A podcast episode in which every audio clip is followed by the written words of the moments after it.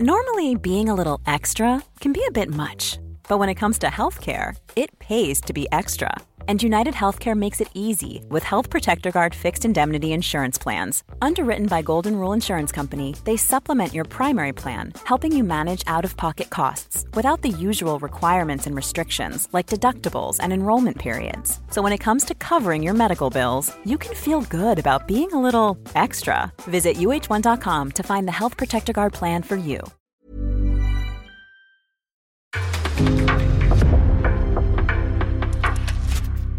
En podcast från Aftonbladet.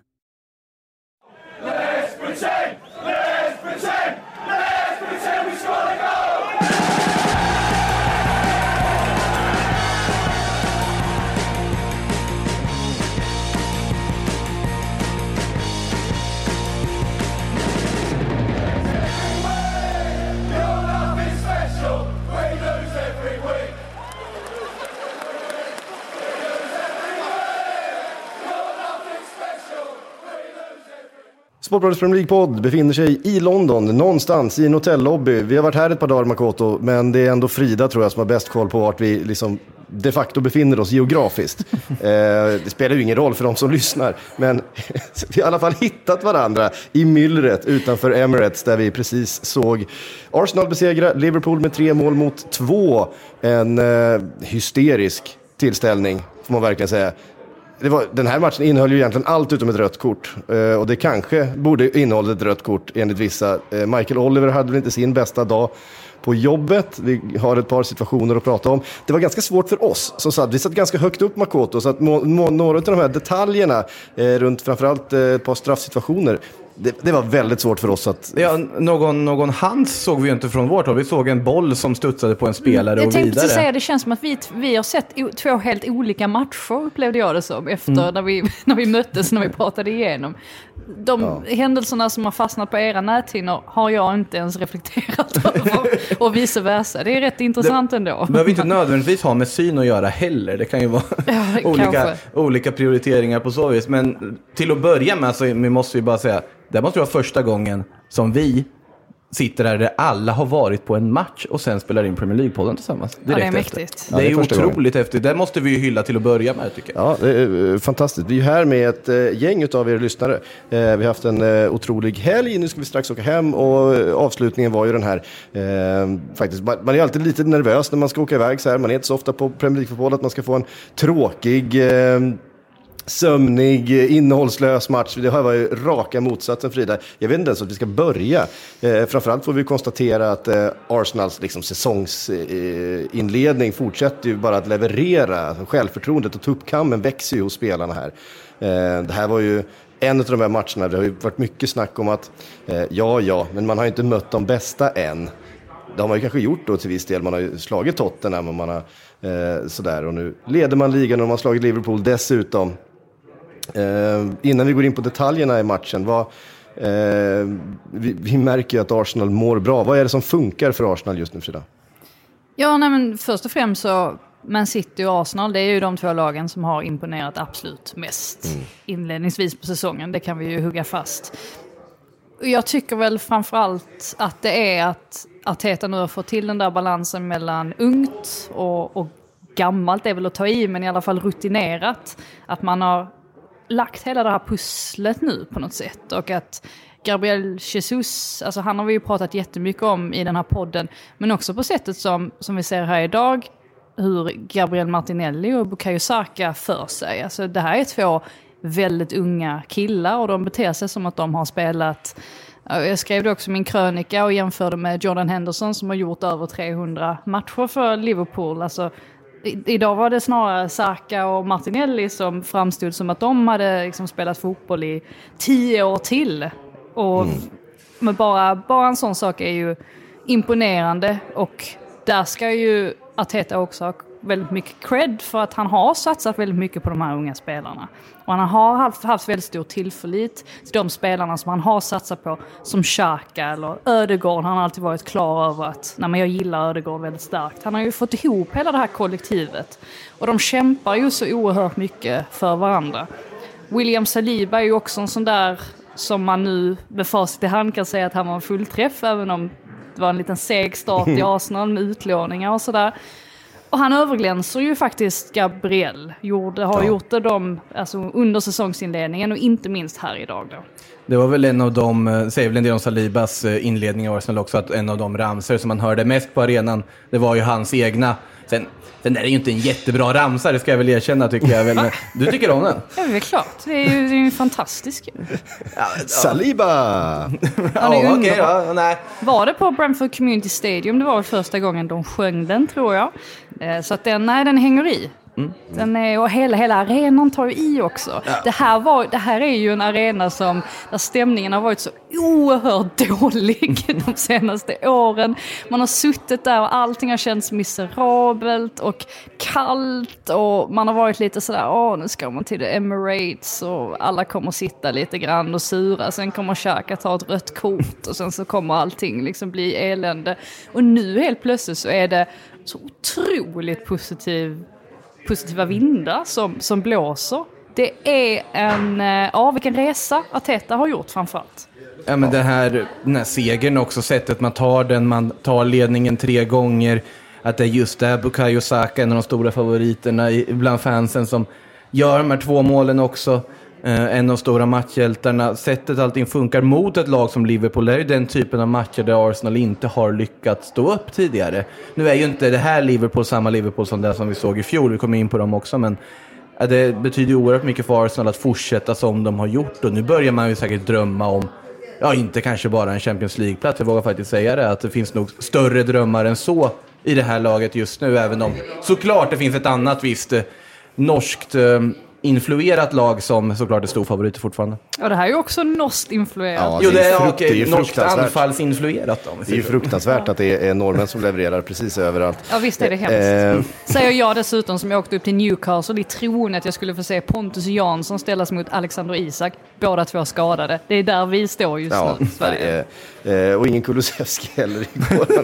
Nej. Vilken misär. Ja, det, det är verkligen, det är och ingen Emil Kraft heller. Eh, däremot så fick vi se japanskt inflytande i Ramakoto. Det var kanske den eh, ramsa som sjöngs näst mest, i alla fall det visat. För att Tomiyasu kommer in. Och det säger ju också någonting om Arsenal just nu. Att eh, vi har ju höjt en massa så här, varningsflaggor runt, ja men är truppen tillräckligt bra? Men vi har sett startelvan leverera, är truppen tillräckligt bra? Vad händer när man måste börja laborera, flytta runt lite folk? Nu går Tomiyasu in på vänsterbacken och är hur, precis så stabil och solid som han varit eh, de gånger han spelat på högerbacken. Helt självklar där också. Eh, nu möter han ju en Sala som ser så fruktansvärt trött ut att jag, jag vet inte vad det är för spel. Han är liksom ett, en skärva av sig själv. Men eh, han möter ju också en väldigt bra försvarare i Tomiyasu i den här matchen.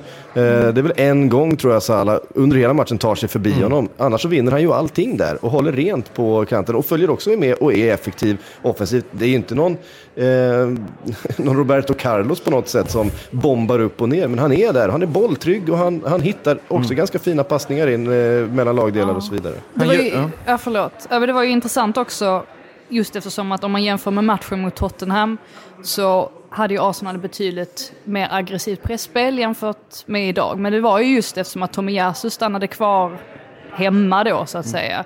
Så var det bara Ben White som klev upp. Alltså föregående match så klev ju både Sinchenko och Ben White upp till mittfältet vilket frigjorde Granit Xhaka som kunde trycka upp ännu mer. Men han gjorde inte det idag utan höll, höll sig betydligt lägre. Det var säkert därför vi såg mindre av Xhaka också. Mm. Än vad vi eh, har gjort inledningsvis på, på säsongen. Men eh, nej, det var ju uppenbarligen alltså rätt drag så tillvida att Ben White tryckte upp lite högre, han överlappade ett par gånger vilket han gjorde väldigt lyckat mm. i mötet med Spurs också. Um, så att uh, ja, du får fylla i nu om din japan. ja men alltså jag, som vänsterback så kände man att det här var ju lite av en chanstagande att skicka ut honom där. Han har inte spelat jättemycket den här säsongen. Eh, har varit ett tydligt backup-alternativ där också Ben White har gjort det så pass bra som han gjort som högerback var ju alldeles strålande idag till exempel också i en lite mer offensiv roll. Men Tommy alltså går in och är, alltså han gör ju det han ska, han står på rätt plats, han gör inga missar. Det är en gång som Salah kommer förbi som sagt. Och är ju en av de bästa spelarna på planen på så vis. Och det betyder ju jättemycket. Sen om det räcker till att fortsätta starta, det vet jag inte. För det känns som att det var ett tydligt drag för att just eliminera vissa ord från Liverpool. I andra matcher så är det väl kanske hellre att man har Tierney eller Zinchenko som bidrar betydligt mycket mer offensivt. Du sätter på vänsterbacken.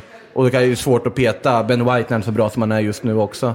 Men viktigt för Tommy Tomiyasu som faktiskt ändå var tydligt öppen med att han var missnöjd med speltiden här under landslagssamlingen också. Och det är inte vanligt när man ser en japan i utlandet vara så pass rak, rakryggad att säga att man är missnöjd med speltiden.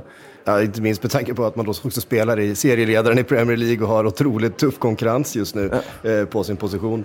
Eh, men det är bra, han spelar med självförtroende. Han, han är en spelare med självförtroende och eh, ja, men det är viktigt. Och det, det, det känns som att det är så många i det här Arsenal som just har det här självförtroendet. Thomas Partey är ju nyckeln till väldigt mycket och han spelar också väldigt självklart på det centrala mittfältet där. Eh, både som bollvinnare och bollfördelare. Eh, oerhört viktig och det är väl kanske den pusselbiten som är eh, svårast för Arsenal att ersätta om han skulle bli skadad. Det är väl kanske där den största svagheten finns i det här laget. Att just bakom Partey så finns eh, kanske lite mindre än eh, ja. För vi har ju gått igenom, det finns ganska mycket alternativ även, alltså i försvarslinjen och i anfallslinjen. Ja, men precis. Och han var väl borta någon match och då ersätter man med El Neni och det, det gick bra det också. El Neni är ju en, en spelare som Ja, alltså lite, lite begränsad är han ju, det får man ju, ju konstatera jämfört med Thomas Partey. Men samtidigt så är han också en sån där spelare som, ah, ställer man ut honom så han kommer ge allt och, och, han kommer försöka göra jobbet till 100% och någonstans så är det ibland kanske det allra viktigaste. Men eh, jag tycker själva, jag återkommer till stämningen igen, jag ty tycker bara själva, alltså en sån enkel sak som team spirit, alltså det är någonting Arsenal verkligen har och de, de firar varje mål så innerligt också. Det märks att det här betyder väldigt, väldigt mycket för dem. Och det är samma sak när man ser klipp från träningarna, hur de verkar ha en sån oerhört god stämning. Och jag kan väl tänka mig att Liverpool, även om de säkert har, har god stämning till viss del så känner de väl ändå att det är någonting som inte, det är ja. någonting som inte riktigt klickar. Nej, för där är, saknas ju verkligen självförtroendet. Eh, vi nämnde Mohamed Salah som faktiskt byttes ut i den här matchen. Eh, om det var för att eh, rotera, jag tror helt enkelt det var för att för att få in någon annan energi, för, att, för Jürgen Klopp att prova någonting annat. Det fungerar inte på den kanten just nu. Trent Alexander-Arnold klev ut, skadad också. Han spelade vidare en stund, fick eh, gå ut i halvtid. Eh, Joe Gomez kom in. Det blir ett, en annan dynamik såklart när Joe Gomez kommer in istället för eh, Trent. Mer solitt defensivt, men det händer ju inte lika mycket offensivt såklart. Mm. men att byta ut Salah, det är, det är ett statement på att det, det funkar inte riktigt just nu. man har inte en självklar Eh, Planen plan, har inte en självklar laguppställning. Vi diskuterade vilken, vilken formation de spelade överhuvudtaget. Länge såg det ut som de spelade en rak 4-4-2. Eller om det var en 4-2-4. Eh, den här 4-2-3-1 som det annonserades som, det skulle jag inte vilja påstå att det såg ut som. Ehm, Jota och Nunez ligger ju väldigt eh, jämnt där uppe som, som två anfallare. Liksom. Ja, det, under första halvlek var det ju väldigt mycket 4-2-4 skulle man väl ändå kunna säga. Och sen så mot slutet blev det väldigt mycket en 4-4-2. Men det var ju det man testade också mot Rangers då, mm. som ju blev ganska lyckat. Alltså med en mer, alltså Trent vet jag kallade det för en 4-4-2 i alla mm. fall. Så att vi får väl utgå från att det var det man, man eh, ja, man eftersökte helt enkelt mm. med, med det formationsbytet då. Och nej, jag vet inte, jag, det, det kanske är lätt att peka finger åt Jordan Henderson, men jag, jag landar ändå hela tiden hos honom för att jag tycker inte att han håller längre. Och, och, så, så enkelt är det. Och jag är förvånad över att Klopp envisas med att dels starta honom men också spela honom så länge och undvika att sätta in vissa spelare då som man tänker att här satt en Fabinho på, på bänken till exempel, hade kunnat starta ja. tillsammans med Thiago. Och Fabinho har inte heller levererat på sin maxnivå den här säsongen. Men jag känner ändå att Henderson börjar tillhöra det förflutna. Mm. Och jag förstår inte varför han håller fast vid honom så hårt. Man ja. har ju ett extremt mittfältsproblem just nu, då är det ingen tvekan om det. Alltså, Artur Melo nu borta, hur länge var det? Tre till fyra månader. Ja, tre till fyra månader. Ja, det, var, det är kanske inte ett jättestort tapp med tanke på att han eh, inte direkt ja, fått så mycket chanser eller egentligen är tillräckligt bra för att gå in i det här Liverpool. Det är ganska underligt med tanke på att han... Det är den, det är den sämsta Det, det är en otroligt märklig värvning. Är det värre än Ben Davis? Uh, ben ja, det, Davis det är samma kost... nivå. Det är ju nästan samma nivå. Sen har väl Artur lite bättre lön kan jag tänka mig. Och han hade, hade väl lite mer förväntningar också kan jag tänka mig på, på sig. Eller kan jag tänka mig, det var så. Han hade, hade ju, kom väl in med mer förväntningar jämfört med, med Ben Davis. Men, eh, ja. Nej. Ja, nej, absolut. Nej, men det har inte funkat och det, det finns ett jättestort problem där eh, på mitten. Och det blev uppenbart, ändå var det ganska nära idag. Eh, det var ett par situationer som faktiskt hade kunnat svänga den här matchen till Liverpools fördel. Med facit i hand så var det ju en rättvis 3-2-seger till Arsenal. De var det bättre laget. Eh, det tycker jag inte det råder någon tvekan om. Men det finns en handsituation som det har varit mycket kontroverser runt eh, i första halvlek och dessutom då straffen som eh, ger 3-2 målet. Bukayo Saka sätter sitt andra mål där. Eh, ja, det är det, det många... kan, ni, kan ni tala om för mig, Hansen såg ju ni solklart där uppifrån, eller hur?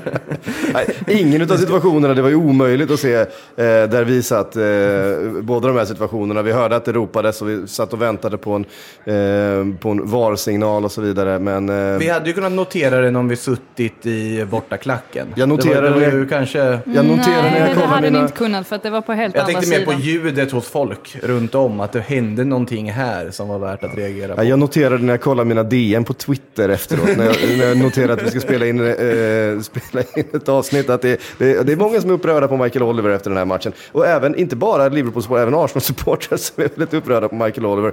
Eh, det tog tydligen otroligt många felbeslut. Eh, jag låter det vara osagt. Jag, vi måste kolla på de repriser. Alltså straffsituationen kan... var ju väldigt svår att bedöma upp också. Alltså ja, den som men, blev straff ja, pratar vi om nu. Ja, den, vi har ju sett just de bitarna i efterhand där med repriser och det, det är ju en, en ganska...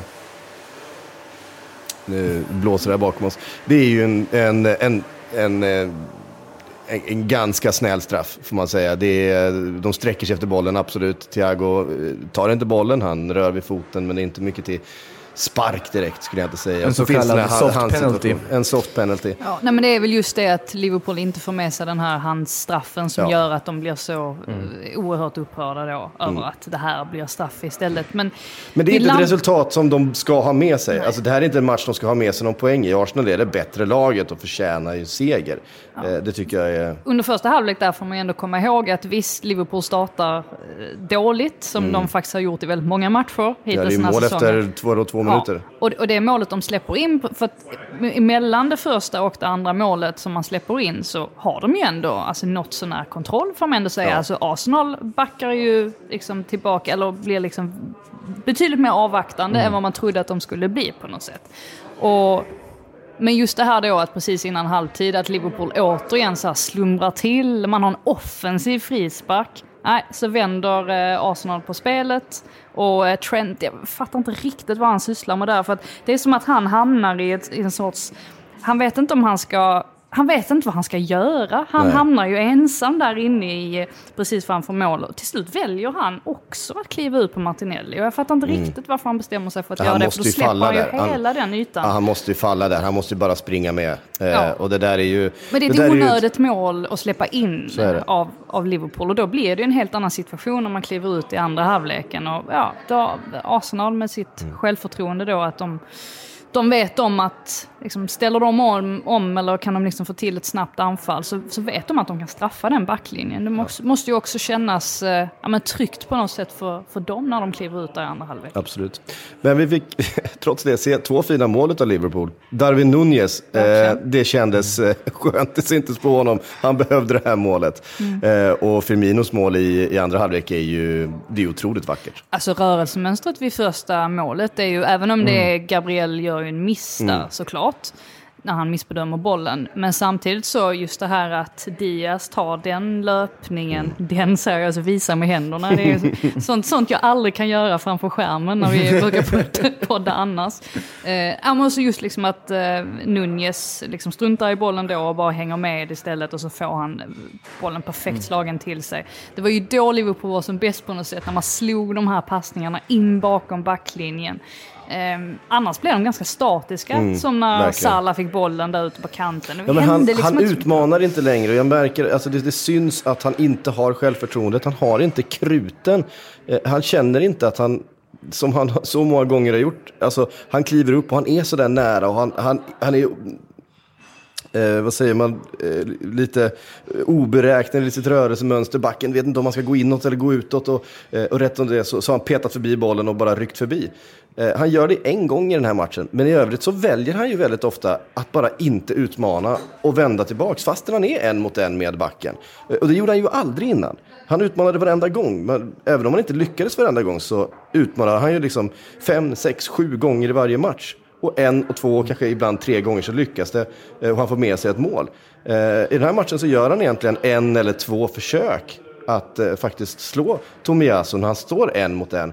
I andra fall så, så trampar han på bollen, eh, lägger tillbaka den till Trent, spelar tillbaka den till Henderson. Han har inte det självförtroendet. Han, han eh, känner inte att han, att han kommer lyckas om han försöker. Istället så eh, lämnar han över bollen. Och det, eh, det, är ett, eh, det är inte ett bra tecken. Det är verkligen ett tecken på en spelare helt ur form. Och jag tror att han, jag tror han är trött. Jag tror han är vansinnigt trött efter den förra säsongen med eh, Afrikanska mästerskapen, med alla matcherna spelade Liverpool, eh, komprimerat schema efter eh, pandemin och så vidare. Jag tror han är Kontraktskrivningsgrejer och alltihopa fullständigt också. slut. Eh, och frågan är ifall han kan vila upp sig under den här VM-perioden och han inte ska spela. Om de kan hitta ett sätt att eh, få honom att eh, hitta energin igen. För det är inte bara fysiskt slut, jag tror han är mentalt slut att hitta tillbaka till den här självförtroendet för att han är, han är verkligen en, en, eh, en skugga av den spelaren. Om vi bara går tillbaka ett år så pratar vi om honom som en av världens bästa fotbollsspelare. När han, liksom, ja, ja. han mm. dribblar hela Citys backlinje och bara hänger in den. Han dribblar hela... Ställde till och med den frågan till Klopp, minns jag. Ja. Är, är Mohamed Salah världens bästa spelare just nu? Och han svarade ja. Och det, det, det är liksom 365 dagar sedan ungefär ja. som, som du ställde den frågan. Och eh, från att gå därifrån till att vara där han är nu till att det... psyk eh, skrika när som Adama Traoré på läktaren. bara gör det du ska. Alltså, du kan ju bara gå förbi som du sa, om du vill. Och det är ju lite det att han saknar det där. Men du måste vinkla upp din mikrofon. Ja, men alltså, ja, men du, tryck upp den bara. Ena stunden så Nej, men du behöver inte vrida, bara tryck upp den. Så. så. Där ja. Ah, okej, okay. så. så. Nu det är det jag har suttit och gestikulerat åt dig. Jo, jag vet att du har gjort det, men ena stunden är det uppåt och ena stunden är det neråt. ja, men du ska neråt den skull. Ja, ja. Skitsamma. Ah, hotellobby. um... Ready to pop the question? The jewelers at BlueNile.com have got sparkle down to a science with beautiful lab-grown diamonds worthy of your most brilliant moments. Their lab grown diamonds are independently graded and guaranteed identical to natural diamonds, and they're ready to ship to your door. Go to Bluenile.com and use promo code LISTEN to get $50 off your purchase of $500 or more. That's code LISTEN at Bluenile.com for $50 off. Bluenile.com code LISTEN. 3-2 till Arsenal i alla fall, tillbaka upp i serieledning. Eh, där man eh, eh, jagas utav Manchester City eh, som eh, tog emot Southampton igår, i lördags. Eh, och det var ju så roligt efter Eh, jag tittade på Match of the Day och Pep Guardiola intervjuades och han sa så här, ja, Southampton de ställer upp sitt pressspel och de gör det ju perfekt mot oss. Och samtidigt så rullade statistik i botten att Southampton har alltså eh, inte mäktat med ett enda skott i matchen. De har 0,12 i expected goals, vilket innebär att de kan spela den här matchen tio gånger och Southampton kommer göra ett mål under de här tio matcherna. Eh, Manchester City var så dominanta i den här matchen. Ja, men vi fick se Erling, H Ä Erling? Ja. Erling Haaland missa ett givet läge ja, när han drämmer bollen i stolpen. Men vilka var det att göra mål igen? Oh, men hörde ni publiken? De, de firade ju redan innan bollen, ja. alltså innan bollen drämde i stolpen. De var så övertygade om att Haaland kan inte missa ett sånt Nej. läge. Och det brukar han ju inte göra. Men Nej, den... Han missade med en millimeter ja. den här gången för att den, den rullade längst Det var historia vi fick se där. Ja, det är, det är ju det är något helt makalöst såklart som han håller på med. Eh, men vi har pratat lite för lite, tycker jag, faktiskt om Phil Foden i början på den här. Håland har ju stulit hela showen, men Phil Foden under den här matchen är men i stort sett felfri. Han är så fruktansvärt bra just nu. Eh, och på så många olika sätt. I uppbyggnadsspelet, i boxen, runt boxen. Han gör mål, eh, han skapar mål, han gör assist. Eh, han skulle haft ytterligare något assist i den här matchen. Ehm, alltså bakom Håland såklart så, är ju Phil Foden just nu Manchester Citys bästa spelare.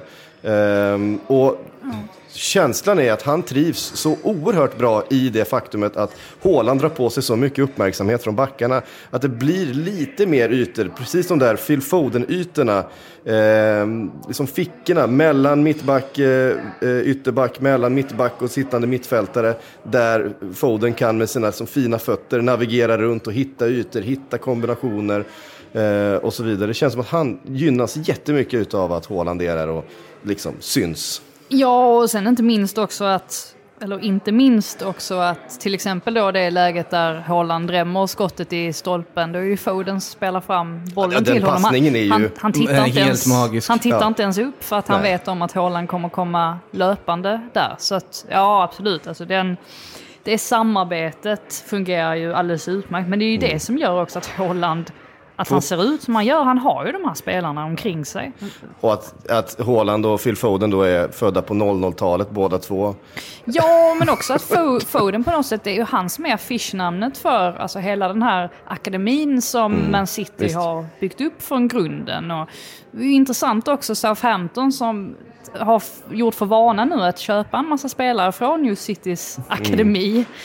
Här, här var ju verkligen, ja men det var ju verkligen ett poster Poster Boyne, Boyne, kan man säga så? Nej, det kan man inte. Men han fick ju verkligen skina här på något sätt. Och, ja, och öser ju också in mål, liksom, liksom Haaland gör. Så att, äh, de har inte så mycket att klaga på där, eh, Man City i alla fall. Och Cancelo också som, han fick ju fritt spelrum här. Man var ja. inte riktigt säker på vad det var för typ av backlinje, men det visade sig i stort sett vara en trebackslinje som de spelade med ändå, så att Cancelo bara fick vandra upp fritt där. Och, ja, det är ju faktiskt han som drar in första målet, får man inte förglömma. Nej, och det var rätt vackert det också. Mm.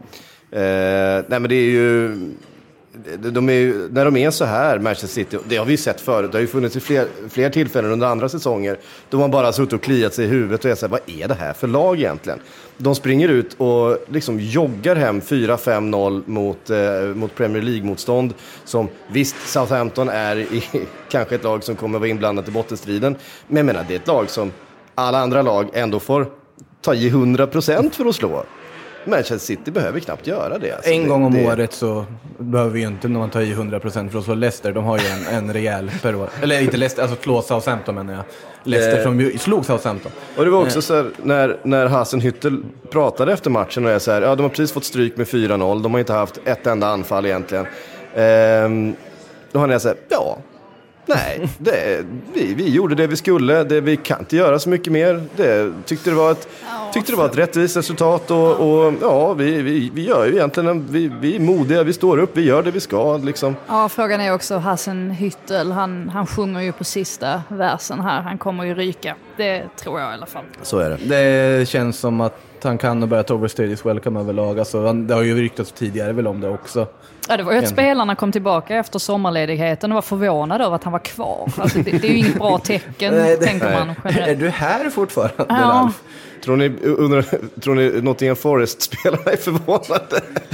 Att Steve Cooper är kvar till 2025? För övrigt, de spelar imorgon, vi behöver inte prata men, mer om dem. Men, men, men den kontraktsförlängningen? Men jag tror, att de, jag tror att de är glada faktiskt. För att Cooper är väldigt omtyckt i det där omklädningsrummet. Han är åtminstone ett ansikte de känner igen. Ja, och jag tror också att faktiskt Forest-supportrarna har haft ett finger med i spelet här också. För att jag har inte hört många Forest-supportrar som, som, som tyckte att Cooper skulle behöva få lämna efter den här jätteförlusten i, i derbyt mot Leicester. Utan tvärtom så tycker de liksom att det är inte hans fel att det har kommit in 23 nya, eller 24 är det väl till och med, mm. nya spelare. Och det kommer ta tid för dem att ja, spela ihop sig. Men att han är fortfarande mannen som ska göra det. Så det var ju verkligen ett statement från Forrest får man säga när de gick ut med den kontrakts förlängningen. Det var en så otrolig helomvändning från att han ryktades få sparken och pratade om Rafa Benitez och allt möjligt till att jag... Mm, jag tror det finns splittringar inom ledningen också. Um, så att jag tror att det är därför kanske man har hört lite olika rykten. Men nej, det, den grekiska ägaren där, han har ju i alla fall um, ja, signalerat nu i alla fall att han tycker Cooper är framtiden. Ja, eh, vi ursäktar stöket som är här i bakgrunden. Vi befinner oss som sagt på ett hotell i London. Eh, det är inte bara fotboll som spelas, det är sån här amerikansk fotboll också någonstans på en, på en arena. Det är fullt med eh, Green Bay Packers. Tänk att, han, och... tänk att han amerikanen som gick förbi, han hade mage att fråga om vi menade amerikansk eller engelsk fotboll. Fast han Ja, sa ju vi skulle- fotboll, fotboll sa han väl? Ja, Eller hörde jag fel? Frida, Frida, amerikansk fotboll, Frida var eller? provocerad redan före han öppnade Nej, munnen. inte man ska, Riktig fotboll man ska inte komma hit. Man ska inte komma hit här och tro att man kan säga att man bara ser fotboll till. Men när vi bar ner mikrofonerna, eller ifall det var när vi åkte upp för att hämta dem, så stod vi i samma hiss som en kille med ett eh, rött, rött och gult, eh, så halvt målat Grönt ansikte. och gult var det, det var Green Ja, Bay ja, Packers. grönt, grönt, grönt och Ja. gult. Och en Ehm, ost på huvudet eller vad det Och en var. ost Ja. på huvudet. Så det, var, det, var, det, var, verkligen inte det London man, eh, man känner igen och älskar. Ehm, just där och då. Men tillbaks till Manchester City. Vi får ändå säga någonting om, eh, om Haaland. Den här, den här petition som eh, gick ut här i, i förrgår, på skämt såklart. eh, att det var, Ja, det var, fortsätt. Ja. Ja, eh, där de hade samlat ihop en massa namnunderskri- eh, namninsamling för att eh, stoppa Haaland från att spela för att han egentligen är en robot. Eh, Jag har ungefär tio brasklappar kring denna storyn, Mm. trots att jag själv skrev den. och det är att när den här... eh, det glamorösa reporterlivet. Ja, eller hur. När The Mirror plockade upp den här nyheten så hade den här eh, 57 underskrifter tror jag. Vilket man inte kan påstå är sådär jättemycket. Och eh, dessutom så, han som hade startat den här, eh, hette, han hade användarnamnet Ten Hags Reds. Så då kan man också förstå vad den här eh, ja, eh, rädslan för att Haaland är för bra, var den här, härstammar ifrån. Nej, men den känner vi alla. Eh, eh, framförallt som svensk. Ja, i i Man City i alla fall. Han, Ja. skulle, han skulle ju ha... Jag såg något förslag på Twitter som, eh, som cirkulerade, som retweetades väldigt friskt. Och det var att under VM, eftersom att Norge då inte spelar VM, Mm. så borde Haaland få användas 30 minuter av alla länder i VM.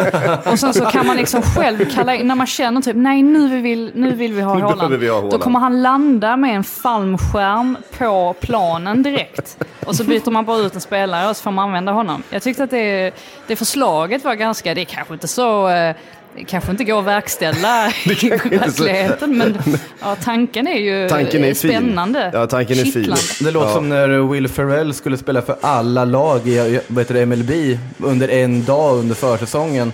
När han åkte runt överallt och kastades in på olika positioner. Det är ungefär den känslan jag fick på Haaland som åker på turné inom, inom Qatar. Det är, alltså avstånden går ju. Han skulle kunna han lösa det rent logistiskt. Han kan ju om han promenera bara- mellan arenorna och Han får ha med sig en väska matchtröjor bara. eh, Och sen får han vilken det då dra runt på olika matcher. Jaha, idag ska jag spela för Ecuador. Det blir kul.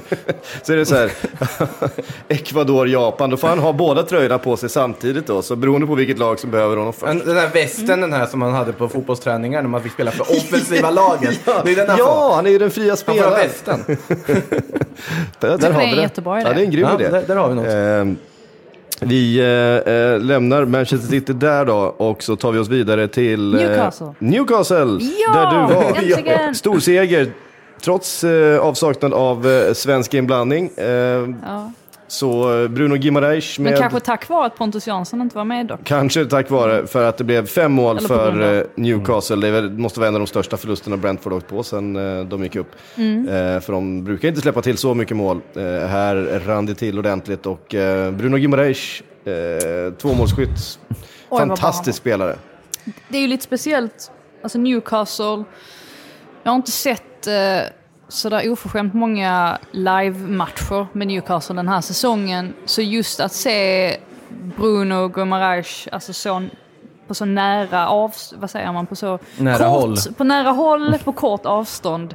Det ger ju en lite speciell källa. Man, man ser så mycket fler detaljer än man, än man gör på en tv-skärm när man ser, sitter och kollar på en match. Och han är ju verkligen både en och två storlekar större än alla andra på den här planen i den här matchen. Alltså allting han gör blir till guld i stort sett.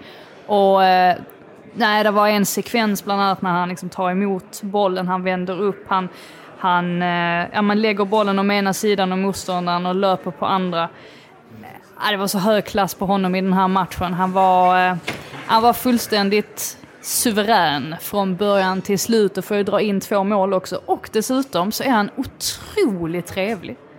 Alltså en sån spelare, som, eller en människa framförallt, som man blir eh, ja, men otroligt förtjust i redan från start.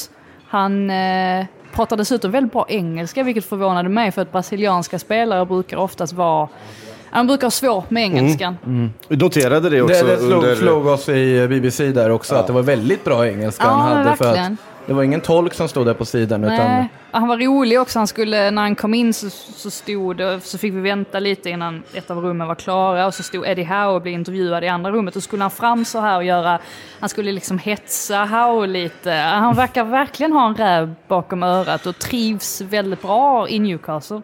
Så vitt man kan både höra och se. Så att, nej, det här var verkligen hans match. Men sen å andra sidan Brentford.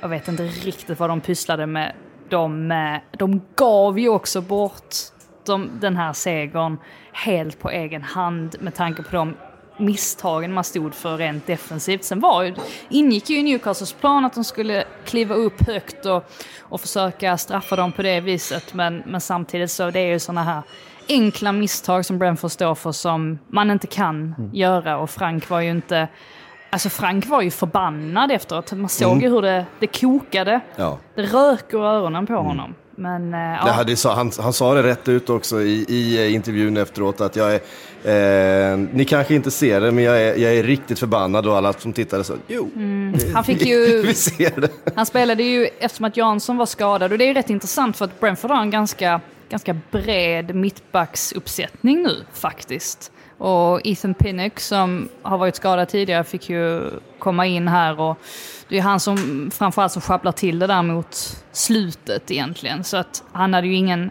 ingen lyckad match. Så att även om det har, alltså som man har hört från supporterhåll, att de kanske hade föredragit att Pontus Jansson inte spelade eller att han i alla fall inte var alltså första eller andra val beroende på då formation. Mm. Om man mm. spelar. De spelar ju både med trebackslinje och fyrbackslinje. Um, så kan man väl ändå säga så här med facit i hand att ja, men nog saknades han lite grann i alla fall i, den, ja. i den här matchen. Jag tror inte han hade, han hade inte varit sämre än de uh, ja, försvarsingripandena som vi såg i den här matchen i alla fall. Det tror jag inte. Ska vi säga sen, alltså Newcastle har ju verkligen kommit igång oavsett med målskyttet nu också. Och kommit igång ganska rejält. Uh, inte helt lätt för Alexander Isak att slå sig tillbaka i den här startelvan kanske nu när Callum Wilson är tillbaka. Anfallsspelet funkar så bra som det gör. I alla fall inte liksom initialt. Nej, jag gillar ju Callum Wilson. Mm. Oh, har jag sagt det varje podd de senaste Nej, men jag, säger, åren? jag säger att Mark Rock har varit bra varje podd också, så det, vi har våra ja, käpphästar. Uh, nej, precis. Men uh, ja, det är väl ett lyxproblem egentligen för, för Eddie Howe. Isak är ju framtiden och mm. Callum Wilson är det rutinerade nuet på något sätt. Så att uh, det är väl inget, ja förhoppningsvis blir det liksom inget problem sen när Isak kommer tillbaka, att han, att han får speltid. Måste bara nämna också det här tifot som... Det är ju ja, det årsdagen var... för ägarskiftet nu. Ah. Tänk att det har gått ett helt yeah. år sedan, tiden bara flyger. Och de vinklade ju ut alltså, en banner innan matchen, Newcastle-supportrarna. Och det är den mest förvirrade, det är det mest förvirrade tifot jag någonsin har sett. Det är också först, det mest själlösa som någonsin har hänt på en engelsk ja, fotbollsarena tror jag. Först och främst så, kollegan som satt bredvid, bredvid mig som arbetar för The Athletic, eh, och jag tror jag är lite naiv också för att han brast ut och bara oj, liksom, det är fantastiskt, vilket tifo. Och, och, alltså, jag känner vi som, vi som liksom har bevakat allsvenskan, vi reagerar inte sådär märkbart när man liksom vecklar ut ett stort skynke så här. Som, men vad föreställer det? Det var liksom som en printscreen från en, från en Sky Sports eh, sändning och det, så, fanns ingen... Nej, men det såg ut som en slarvigt ihopslängd eh, powerpoint-bild ja, liksom. Med Amanda Stavely på ett jätteporträtt. Eh, och, äh. Citat från olika journalister dessutom, vilket också var väldigt udda. Så att, jag, vet, jag ger inte fem stjärnor till det. Är, är det Nej, det var, det var, det, och det, de har ju fått ganska mycket hån för det också. Så A att, eh, for effort, så säger vi. Ja, tifon kanske inte är deras starka gren Nej. Eh, här borta. Det, Däremot St. James Park, definitivt etta i England. Jag älskar den arenan. Ja, de har ju alltid varit en, eh, en hängiven publik. Mm. Eh, så är det och Newcastle ångar på. De gör verkligen det. Det här är väl 14 segrar av 15 matcher någonting på hemmaplan. Alltså de är åtminstone obesegrade. Det, det, de tappar inte många poäng på St. James' Park. De är fruktansvärt svårslagna. Det är mycket som kan hända på ett år i alla fall. Det, kan vi, alltså, vi satt ju här och var så här, ja, ja, de köper dem. De kommer ju åka ur ändå. Ja. Eh, de var ju bedrövliga. Precis för ett år sedan just eh, Newcastle kunde ju för fan inte slå två passningar i rad utan att men snubbla sån, över sig själva. Ja, men en sån som Bruno, alltså, han går in i vilket lag som helst ja, i Premier League. Där har de verkligen gjort ett uh, kap. Det är ju deras Elano-värvning kan man väl säga på något sätt. Den som City gjorde som, som kom in och var en sån extrem skillnad gentemot det de hade tidigare. Mm. Bruno Gimarais är ju den spelaren som Newcastle då plockade. Och så som också ryktades till, jag menar de, de största klubbarna i Europa. Det var Arsenal och det var Real Madrid och, och PSG liksom, och allt vad det var. Newcastle som uh, löste den, men uh, det kan man verkligen säga. Men sen, sen, måste man ju bara lyfta på hatten för Eddie Howe, för han har ju i alla fall motbevisat mig i sättet han har fått det här Newcastle att spela, tycker jag. Hur, hur bra det sett ut så fort som den då gjort. Trodde inte på Eddie Howe? Jag, jag var inte helt övertygad, det ska jag helt ärligt säga. Mm. Det var jag inte. Men det, det skulle och, jag ha varit. Och sen ska man säga då också att det här är Newcastle som fungerar så här bra med en San Maximan som kommer in och spelar vadå, typ en kvart.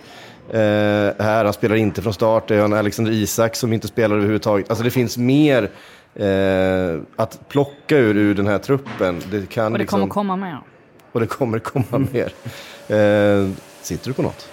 Nej. nej, nej du lät väldigt lurig där. Jag bara menar att det... är... nej, men de, jag bara menar att de försöker, ju, de försöker ju bygga upp den här klubben lite grann som Man City gjorde. Alltså att ja, inte, ja, ja. En, inte lägga överdrivet mycket pengar på en spelare utan att mer vara lite smart i sin värvningsstrategi. Lägga överdrivet mycket spelare på många spelare istället. ja, det är ju dock Nottingham Forest. det, är inte... det är ju bara överdrivet många spelare, punkt. ja, precis.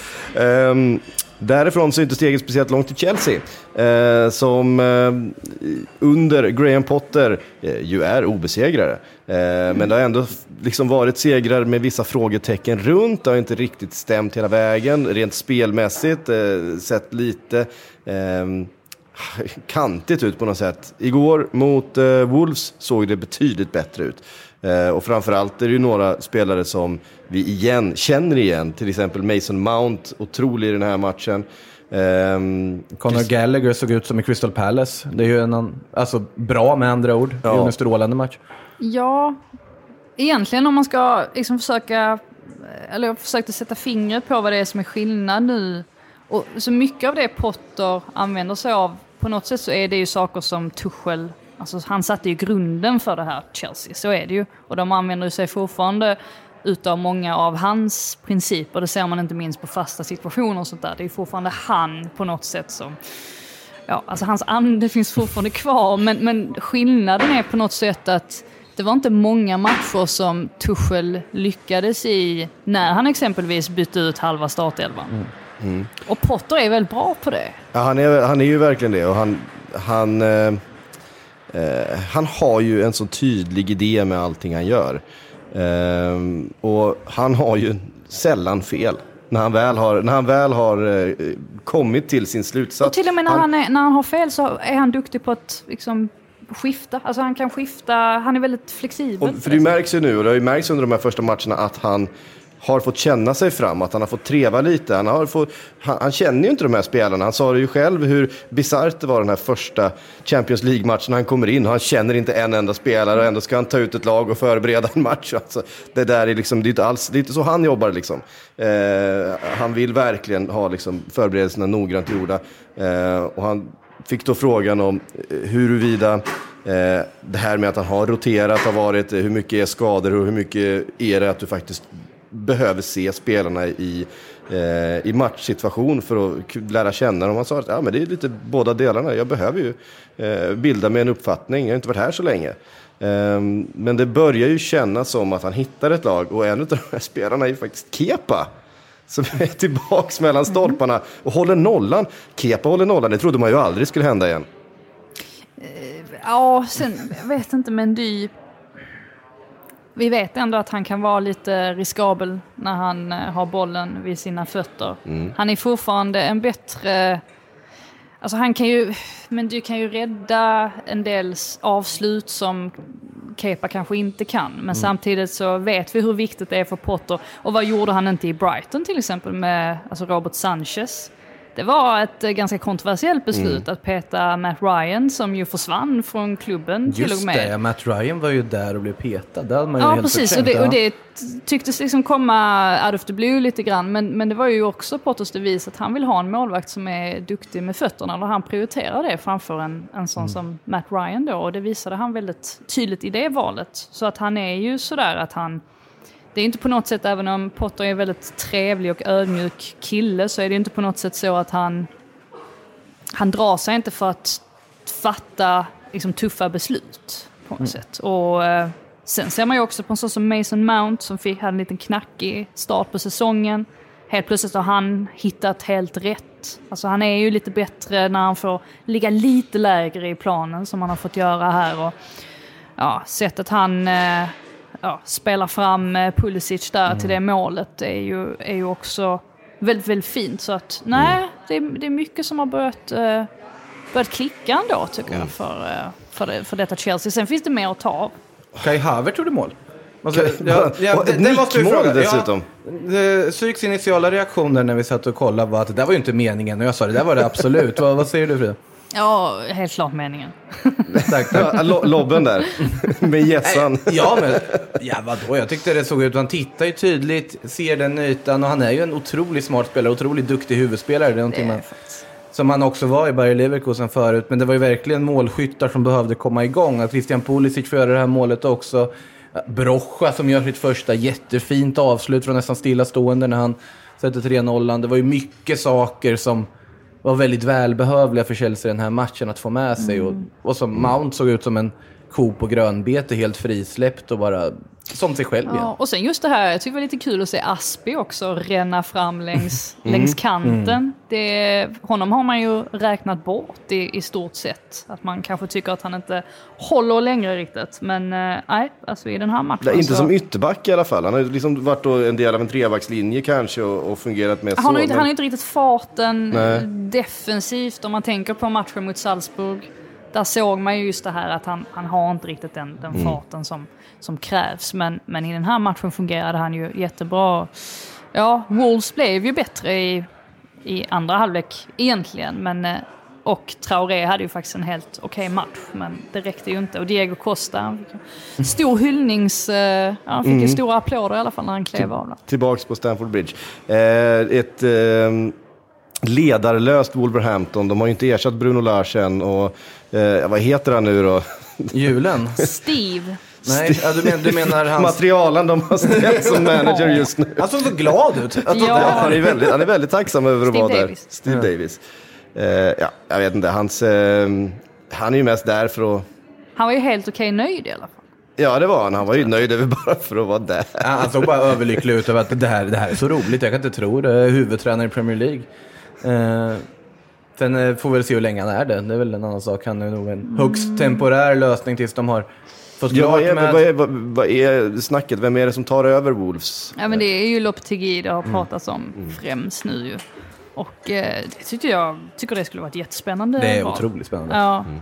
Det är lätt att kika på ja, hur det blev på slutet här i Sevilla, men man får ju inte glömma bort vad han åstadkom mm. innan ja. dess. Ja, men han var ju också unisont hyllad av Sevilla-fansen när han lämnade den klubben nu, även om alla var överens om att det var läge att gå efter den bedrövliga säsongstarten, så var det på något sätt med tacksamhet man ändå sa farväl till honom, åtminstone fansen gjorde det och även från officiellt håll från klubben så var det ju verkligen med tacksamhet för Europa League-titlarna tog de till, sättet de spelar fotboll. Det här är en offensivt präglad, passningsorienterad tränare som med fart i spelet och jag tycker ju fortfarande att det hade varit spännande att se vad Real Madrid under honom hade kunnat bli på sikt om inte resultaten hade varit så bedrövliga som de var i början. För det var ju det som gjorde att, de, ja, att han inte kunde fortsätta där. Eh, men som sagt, Wolverhampton, det, blir, eh, det hade varit ett väldigt spännande val för dem. Eh, absolut. En annan tränare som har kommit in och ändå, tycker jag, eh, ser ut som att han eh, har inlett bra, även om det blev förlust i eh, helgen. De Serbi i Brighton Eh, 0-1 blev det mot Tottenham, men det är ju en match. Det här är ju, det, det här är ju Brighton-problemet. Det kanske inte ändras med att Potter försvinner och De Serbi kommer in. De behöver, ju, de behöver ju ta några avslut om det ska bli några mål, för att de dominerar ju stora delar av den här matchen. Conte såklart, det, det är otroligt eh, defensivt spel och de packar in med mycket folk, folk i boxen. Det är svårt att komma till de här avsluten. Det är svårt att göra mål på Tottenham. Eh, samtidigt så finns ju Harry Kane där eh, och Huminson och då, då, blir det oftast ett eller två mål i matchen. Men det, eh, det är ungefär så det var den här, den här gången. Eh, det är ett smart avslut av Kane att på något sätt styra in Sons skott med huvudet. Han gör det ju med flit. Ehm, ja, men annars så är det, det, det är inte jättekul att se Tottenham spela fotboll just nu. Sen var de väl påverkade också av Ventrones mm. bortgång här i, i veckan. Såklart. Det, det var ju väldigt tydligt. Ja, det var väldigt Conte tydligt att, och att, spelarna, att, att, att, det är fystränaren då, för mm. de som inte har uh, hängt med, som har uh, gått bort ganska plötsligt. Han hade ju led av leukemi, mm. men ja. att uh, han insjuk, insjuknade väldigt oväntat ändå igen. Och äh, det är ju definitivt någonting som har påverkat dem. Och man vet ju inte då hur, hur mycket det kanske påverkade den sportsliga insatsen också. Till, till viss del kanske det, mm. kanske det var så. Men seger blev det? Seger blev det och alltså, De Serbi sa någonting på presskonferensen som jag reagerade ganska starkt på. Jag förstod inte riktigt vad han, vad han menade för att han hävdade ju då att, ja, men, så som jag uppfattade det, det kan ju vara så att det är liksom kommunikativa brister här, men då menade han på att eh, nej, men han var så övertygad om att eh, Conte skulle spela 3-4-3 att han... Att det var därför de, de inte var med i matchen riktigt de 15-20 första minuterna. Men jag tänker att om man ser... Alltså så fort man ser laguppställningarna och man ser att Bissouma ingår i den startelvan så borde man väl kunna lista ut att det här är en 3-5-2. Tottenham kan inte spela på så många andra sätt och de spelar med Höjbjerg, Bentancourt och Nej.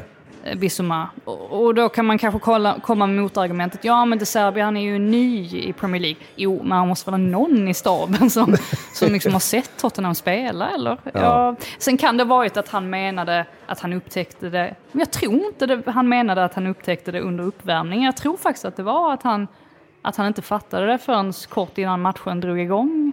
Men kan, kan han ha tänkt att typ Doherty eller Cessignon skulle flytta uppåt i banan eller något och att han skulle skicka ut någon på kanten eller var så pass övertygad om att Conte skulle... Var ju han den enda i världen som trodde ja, det? Ja, De Cherby är ju för sig en ganska speciell tränare så jag skulle inte förvåna om han hade någon helt egen idé om någonting ja. heller. Oavsett så kom de ju fel ja, in Ja, det gjorde de absolut. Ja, så är det ju. Mm. Men men det är, då, det är då Brighton som ser ut att fungera. Jag tycker att eh, Gross och Trossard och Danny Welbeck och så vidare, de, är ju, de har ju inte slutat vara eh, fotbollsspelare, sammansvetsat kollektiv med, eh, med mycket bra spelidéer för att Potter har försvunnit. Det såg ju väldigt mycket ut som, eh, som eh, det gjorde innan. Eh, det är inte och, så stor skillnad mellan dem heller. Alltså Potter och Serbi har ju lite grann ändå samma ja, typ av mm. filosofi. Ja, och, otroligt rolig utnämning överlag att, de, att De Cherby i Premier League ska ju bli. Och dessutom så, ja, vi pratade också om en till japan som kom in och ja, höll på att göra skillnad. Det finns ju anledning att lyfta hans inhopp för en gångs skull. Ja. Alltså Mittoma var ju,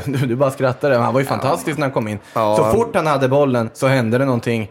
Uh, skapa saker. Lite frustrerande att han kom in i någon sorts vänster wingback-roll när han bytte med, rakt av med Estupinian. Men det är en väldigt lite... offensiv roll i just Brighton. Ja, absolut, men mitt om man ville ha med boll runt straffområdet, det var ju då det hände saker. Man hade velat ha upp dem ännu mer. Men indikationen bara på, på någon som vill se my, mycket fotboll för Kauri Mittoma alltså, han har ju fått längre inhopp sen De Cherby har kommit in och det, det båda ju gott inför fortsättningen. Alltså som han spelade den tiden han fick här så uh, skulle jag inte bli förvånad om han faktiskt startar nästa match. Nu har ju ändå Patrik Syk som också satt bredvid och sa han är ju bra. Ja, jag, jag, jag har ju sagt det. Undav då? Kan du inte få gift för honom? Ja, Undav uh, går det bra. Du kommer, du kommer fortsätta. alltså, hipstervalen som jag gillar. Jag bara för att öst in mål i San Gioa. Uh, han får ju inte tillräckligt mycket chanser, det, det vidhåller jag ju fortfarande, Dennis Undav. Men, uh, det kommer. Det kommer, det kommer. Det kommer. Um, Bournemouth-Leicester, Leicester som ju skulle vara tillbaks nu efter segern mot Nottingham Forest, får ett tidigt mål, allting ser så jävla bra ut. Men uh, man möter ju stora, stygga Bournemouth och då är det svårt att stå emot. Två steg fram och åtta steg bak skulle man kunna sammanfatta den veckan. Ja. men Han var ju rätt smart, Gary O'Neill. Jag gillar honom, som vi har ju sagt det tidigare, att ja. jag har inte riktigt trott att han skulle bli huvudtränare. Eller jag har inte sett honom som en huvudtränartyp. Men han var ganska smart när han bestämde sig för att Nej, men nu, ska vi, nu ser vi till att man-man markera James Madison. Och gör man det mot Leicester, de har inte sådär jättemycket att komma med då. Och dessutom då att de har tendens att göra en del defensiva misstag, ja då har man definitivt en chans mot Leicester. Och det såg de ju till att, att ha här också, så att Bournemouth, nej, jag har ju räknat bort dem för jag tyckte mm. att de har varit liksom lätt det svagaste laget. Men eh, fortsätter de så här så vet man aldrig. Och fortsätter Leicester så här så kommer vi få räkna bort dem snart. Ja, Därför det... att det går inte att spela fotboll så här som de gör. Det är så lojt. De ska ju vara bättre bara. De ska, de ska vara bättre. Man ska vara bättre. Det bara titta på, titta på laget de ställer upp. Det, det är fullt med bra fotbollsspelare ja. och massa kvalitet. Men de, de tar ju inte jobbet. De gör ju inte, de spelar ju inte för varandra. Det är ju ingen som... Fan, det, de vill inte vara där. Brennan Rodgers vill ju inte vara där till exempel. Mm. Om han... Om han hade fått, eh, liksom, om de kan göra en deal så att han kan lämna och få behålla lite lön, så, så hade han ju dragit på en på en minut. Liksom. Mm. Eh, jag vet inte, jag tror inte man kan, jag tror inte man kan Oavsett om man har bra spelare, om man har ett bra lag, om man, man eh, är det bättre laget på pappret, spelar med de här förutsättningarna, med en tränare som har gått vilse och tröttnat på det här, med spelare som vill vara någon annanstans. Jag tror att Juri Thielemans hade nog velat spela i ett annat lag den här säsongen, hade nog sett framför sig att eh, kanske lämna, gå till Arsenal, gå till Liverpool eller någonting eh, under sommaren. Det blev inte så. Eh, de andra spelarna kanske hade trott att det skulle komma in lite nya spelare, att det skulle hända någonting i truppen. Eh, Brennan Rodgers trodde ju det. De skulle ju bygga om laget, det var ju det som var, var tanken här liksom. Uh, nu, nu är jag lite förvirrad där. Ja, det är amerikaner. Ja, amerikansk fotboll igen, ja, i alla fall. Uh, som sagt, hotellobby. Uh, mm. Men alltså, det, är, det är jättekonstigt. Vi har ju pratat om Leicesters transferfönster innan, att det var så mycket underliga saker som pågick. Mm. Att man liksom förlänger hela den här Wesley Fofana-historien med en vecka bara för att kränga ut någon, några extra miljoner pund när du i slutändan då fick inte... Fick, och du investerar dem i Wout Stackars Wesley också, det nämnde vi ju aldrig. att ja, det, han åkte på en knäskada. Ja. Men det ska inte vara så farligt. Det var skönt att se att det bara var, var det, tre, fyra veckor sa de väl eller något sånt i den stilen. Mm. Eller kanske någon månad. Men i alla fall, hans ersättare Vote Fast, jag börjar mer och mer tro att han bara var värvad i sista sekund för att man inte skulle behöva byta ut liksom, träningsställen i, på, på liksom, anläggningen så du har samma initialer, VF, så du bara kan skicka över liksom, hela träningskittet till, till ja, Vote istället. Han, det... hade, han hade ett par hårresande eh, ja. försvarsinsatser eh, igår. Alltså, jag ja, vet alltså, inte agerandet, vad... alltså, Lloyd inte riktigt med på noterna. Sen var det såklart nu vet jag inte vilket, minns jag inte på rak arm, vilket av målen var som föranleddes av Dewsbury Halls bedrövliga mm. bolltouch där. Ja, som ja. slarvar ut den till inkast och sen bara halvjoggar hem medan ja, det tar hus i helvete hemma i straffområdet och så bollen trillar in i nät. Nej, men det, det är precis det här. Det, det här läste, det, det, det, Men det var ju det här man trodde att vi inte skulle få nu. Att det här matchen mot Nottingham, segern, att den skulle betyda så mycket. Att det här är vändpunkten. Mm. Bevisligen var det inte det. För nu är man som sagt åtta steg bakåt igen som du sa Frida. Mm. Eh, det, det, är det, det som händer när Madison försvinner, försvinner ur matchbilden. Men eh, ja. lite kul också, det här var ju första, första matchen under nya ägaren också, Foley. Mm. Eh, I Bournemouth. Så vi får, vi får väl se, han är ju, det är även han som äger det här eh, NHL-laget. Ja, Vegas, vad heter de? Vegas Gold? Nej? Vegas. Golden Knights. Golden, Gold, Knights. Golden Knights. Så vi får väl se om han vågar satsa på O'Neill. Har du förberett den här? Ja, jag tänkte, tänkte, nej, jag snodde den, det var en rubrik och så snodde jag den. Men, eh. det får man göra. Det, får man göra.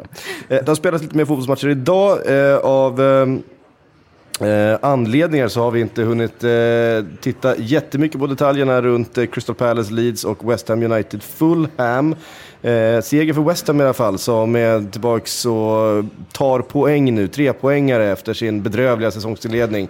Eh, så börjar det ticka in lite nu äntligen och mål igen av Skamacka. Som ju, och av Bowen igen. Och av Bowen igen på, på straff. Och Antonio. Och Antonio, ja, men det, det, är de här spelarna som eh, såklart West Ham behöver få igång.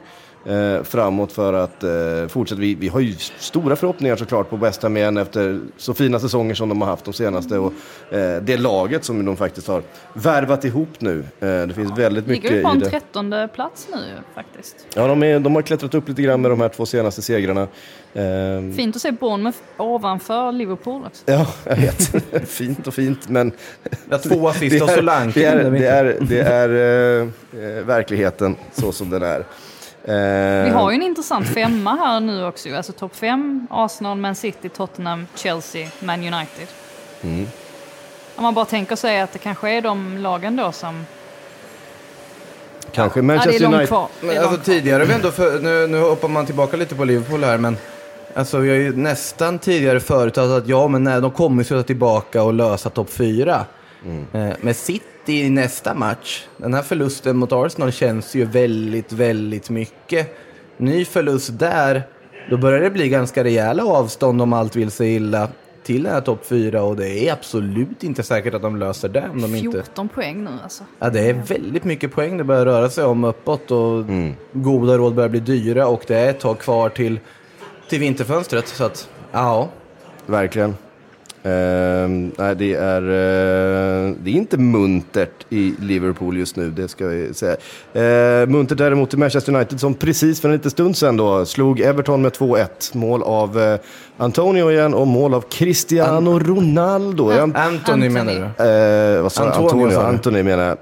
Ehm, Mål av Cristiano Ronaldo. Kanske han kan bli lite gladare igen då. Hans han är så ledsen hela tiden. klubblagsmål. Hans 700 klubblagsmål dessutom. Sånt gillar ju han. Gjort han efter, gillar ju...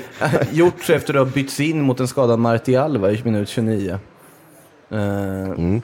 Bara en sån sak. Nej men det var väl jätteviktigt för United att, uh, ja som ni kanske förstår som vi sitter här i lobbyn och poddar just nu och live konstaterar att den matchen är färdigspelad så har vi inte sett jättemycket här just nu men oerhört viktig seger för United oavsett. Det är väl mm. det man kan säga också. fin... Och får in Ronaldo i målprotokollet nu när man ändå har honom i... Real Madrid-kombination där också, framspelad av Casemiro.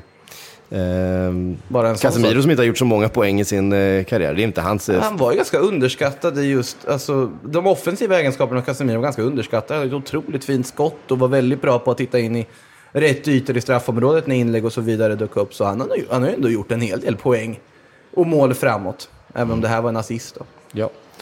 Um, det om det, ja, Crystal Palace Leeds 2-1.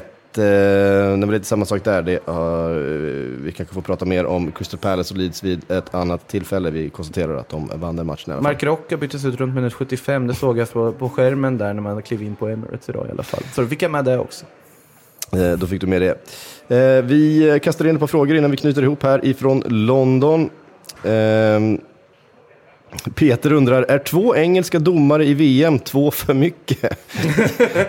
mycket snack om domarna just nu ja, idag. Man satte ju allt sitt hopp till att Michael Oliver skulle hålla någon sorts standard för engelska domare, men eh, nej.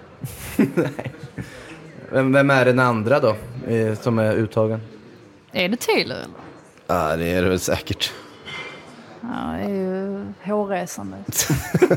det är inte, de gör inte jätte... De kommer, i och för sig, vi säger så här om domare från alla ligor. Det finns, finns det bra ja, domare där ute överhuvudtaget? Eh, jag vet inte, vi är alltid missnöjda med domarna.